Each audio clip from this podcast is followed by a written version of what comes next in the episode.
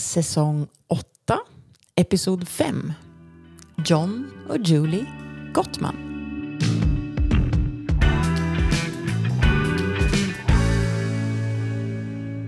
De har vi pratat om en hel del tidigare. De har lite egna avsnitt och eh, säsonger hos oss. Så de har ni hört oss tjata om tidigare. Både i säsong 1 om konflikter och i säsong 4 om relationshuset. Precis. John är psykoterapeut och Julie är psykolog. De kompletterar varandra ganska bra. Väldigt bra tycker jag. De har varit gifta länge. De driver Gottman-institutet. De har en massa nyhetsbrev för relationer. Väldigt bra på sociala medier. Och så har de ju den här appen också, Cardex. Ja, och så har de ju massa utbildningar och kurser där du bland annat har gått Ja, två, två nivåer. Så det är en metodik som vi använder oss av eh, i en del fall. De pratar ju bland annat om det här med, med eh, konflikter som eh, aldrig försvinner eller inte går att lösa. jag tror att vi sa det väldigt tidigt också. Att du som gillar att lösa saker. Och så får du veta att 69 procent av alla konflikter går inte att lösa. För det är deras tes. Ja. Och det är nog sant. Om, eh, det beror ju på hur man definierar lösa. Men ofta är det så att man behöver lära sig att handskas med en konflikt. Eh, förlika sig med den. Kanske gå, förstå att man har egna egenheter som man har svårt att göra sig av med.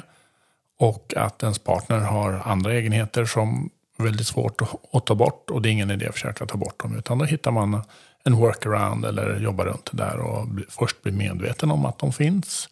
Och sen kanske lär sig en strategi över hur man ska, ska handskas med dem. Ja, så att de kommer fortfarande finnas och inte vara lösta. Men de kommer inte trigga er på samma sätt. Precis. Och hur har de kommit fram till det här då? Att 69 procent av allt det här. De har ju outtröttligt gjort studier på eh, par. Ja. Och, och en del över många, många år de- återkommande. De stoppar in de här paren i någonting som de kallar för sitt Love Lab. Eller egentligen var det inte de som kallade det så, utan det var en journalist som intervjuade dem. Men oavsett, de har alltså en ja, lägenhet kan man kalla det va? Mm. Med eh, kameror, monitorer. Eh, så de ser vad alla deltagarna där inne gör. Och det är ett par i taget som får vara inne. Eh, och dessutom så mäter de blodtryck, puls. De mäter Stressnivåerna. ja, stressnivåerna genom att de mäter urinet som de kissar ut och så vidare. Så att, ja. Och de är väl inlåsta där något dygn och så har de varit där en gång om året i många, många år, flera av dem. Och här lär de sig mängder med information bara från den fysiologiska datan som, som de eh, kläcker ur sig. Och sen gör de, eh, eh, är väl Julie framförallt som väldigt nyfiken på det här med vilka ord de använder, hur, hur de uttrycker sig mot varandra, hur, eh, hur de böjer ord, hur de, ja, hur, hur de kommunicerar med varandra helt enkelt. ja, och de har ju även tittat väldigt mycket på ansiktsuttrycken i de här Love Lab. Och det är där de har hittat det här att det går att se de här tydliga tecken ifall ett par kommer stanna kvar tillsammans eller skilja sig. Och den största, tydligaste predikatorn är ju förakt. Att visa förakt. Och det görs ofta först i ansiktet. en, en rynka på näsan eller eh, ögonbrynen dras ihop eller vad det kan vara. Ja, det är ena mungipan upp och den andra ner. Ja. Ja. Och så akta er för förakt. Stanna borta därifrån. Så se till istället att ni jobbar på de andra sakerna som de har som guldskatter som ni hittar i de tidigare säsongerna. Sen har de en annan grej som vi har eh, tagit till oss också och gillar. Eh, Vi har inte använt den så mycket än, men vi är sugna på att göra det. Och det är det de kallar för maratonsessioner. De menar med att de kan få mycket, mycket bättre utdelning i sin eh, konsultation genom att ha väldigt många timmar tidigt. Och sen så blir det färre och färre sessioner och färre och färre mindre och mindre tid. Men just det här med att dra igång en, en, en lång helg, två, tre dagar, åtta timmar om dagen. Eh, för att lyfta upp massor eh, snabbt eh, är väldigt effektivt. Ja. Istället för att gå en timme i veckan eller två timmar i veckan. Ja. De är ju orienterings... De vill att det ska vara effektivt. De vill att det ska vara effektivt och de är ju inte så förtjusta i det här att folk går år ut och år in hos någon och, och blir ingen utveckling och ingen tillväxt och löser ingenting. Utan de, de vill ju hjälpa till att öka välmåendet hos de här. Ja, en av deras böcker är ju till och med tio principer för att göra effektivare parterapi. Mm. Så de är ju verkligen allergiska mot eh, terapeuter som är oeffektiva. Mm. För det är bråttom. När ett par kommer så är det bråttom. Inte alltid, men ibland. Men vi har ju ett tips här och kanske deras bästa tips eh, förutom att svara an på de här inbjudningarna, bidsen så skulle jag nog vilja lyfta fram den här. Att man ska som par lägga sex timmar per vecka på sin relation. Och det kanske låter sjukt mycket. Men hur skulle man kunna göra det här tycker du om? Ja, de har ju en liten manual för det här nästan. Mm. Eh, och de har brutit ner det i, i små, små delar. Och det kan vara hur du beter dig när du lämnar hemmet. Mm. Hur du beter dig när du kommer hem till hemmet. Precis. Och ägna relationen då ett hej då och ett hej igen. Ja. Är guld värt. Och lägga då fem minuter på morgonen, fem minuter på kvällen varje dag. Mm. Eh, och visa lite intresse för motparten när man kommer hem. Mm. Helt plötsligt så byggs minuterna och timmarna upp. Ja, och om du dessutom då, om ni båda två har varit på ett jobb var för sig, att ha ett litet stressreducerande samtal, som de kallar det, på tio minuter var. Där man får liksom ösa ur sig allt det här som bara och sen snodde någon parkeringsplatsen när jag skulle ta den. Och sen var det slut på kaffe i fikarummet. Och oh, den här kunden, bla bla bla. Att bara få ur sig det där utan att dömas eller att jag ska lösa det här åt dig gör att resten av kvällen blir väldigt bra. Bättre. Det är så lätt att man eh, tycker att man inte ska störa partner med det här och det är ointressant och det är inte viktigt, det, det får vara. Och så, så bär man med sig det själv. Mm. Eh, så kan man ta en liten stund och ventilera helt enkelt trivialiteter egentligen. Det kan låta simpelt, men eh, då slipper du bära på dem själv.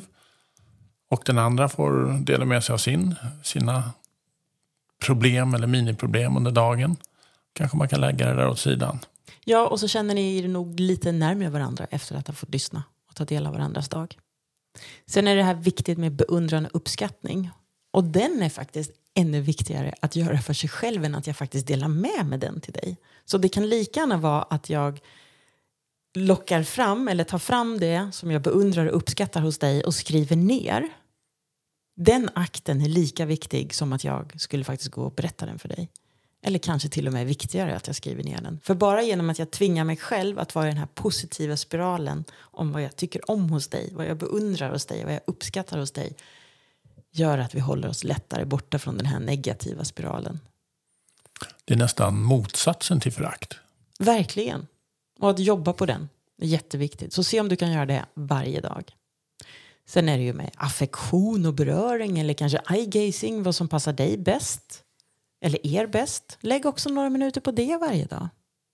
Ja, det kan vara på morgonen innan man tar sig upp ur sängen eller ja. när man går och lägger sig eller när någon lagar mat och man går förbi och nuddar. Mm. Det Men... finns chanser mer än vad man tror.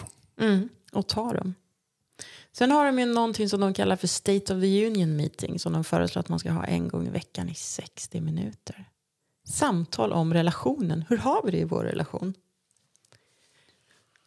Ja, och hur var det med den här då? Den här är ju också, man får inte vara dömande i det här va?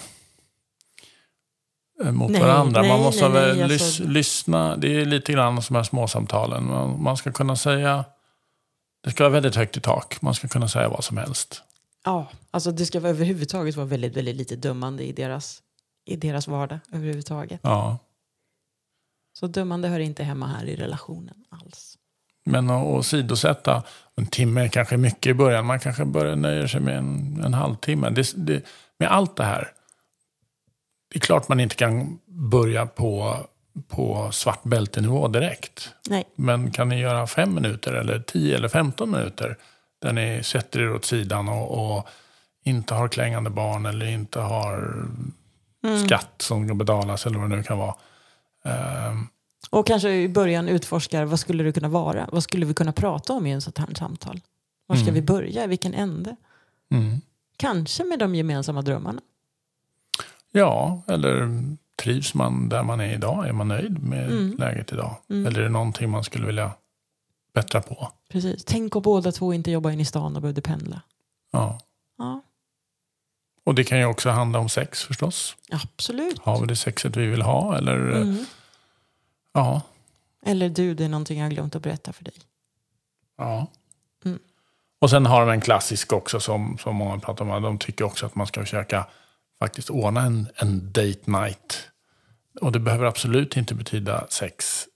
Utan det är återigen en, ett vilorum för, för varandra. Det kan vara en middag ute, det kan vara en middag hemma. Det kan vara en lång promenad på, eh, i skogen. Det kan till och med vara en frukost Ja, tillsammans efter att man har lämnat ungarna på förskolan. ja. Så bara du, jag åker till jobbet senare, jag med. Då tar vi en frukostdejt istället. Ja.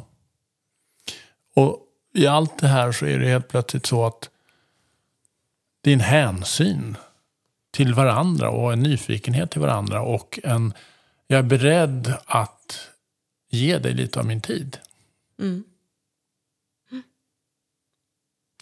Jag skulle vilja avrunda Gottmans med att säga att eh, följ dem på sociala medier och deras nyhetsbrev om ni vill. Appen som sagt. Vi har ju pensionerat våran app numera ifall ni har missat det. The Lovers har gått i pension som app. Men det kommer något annat av den eh, Av matiga innehållet. Mm. Och deras böcker är absolut för gemene man. Så läs dem. Tack, Gottmans. Tusen tack.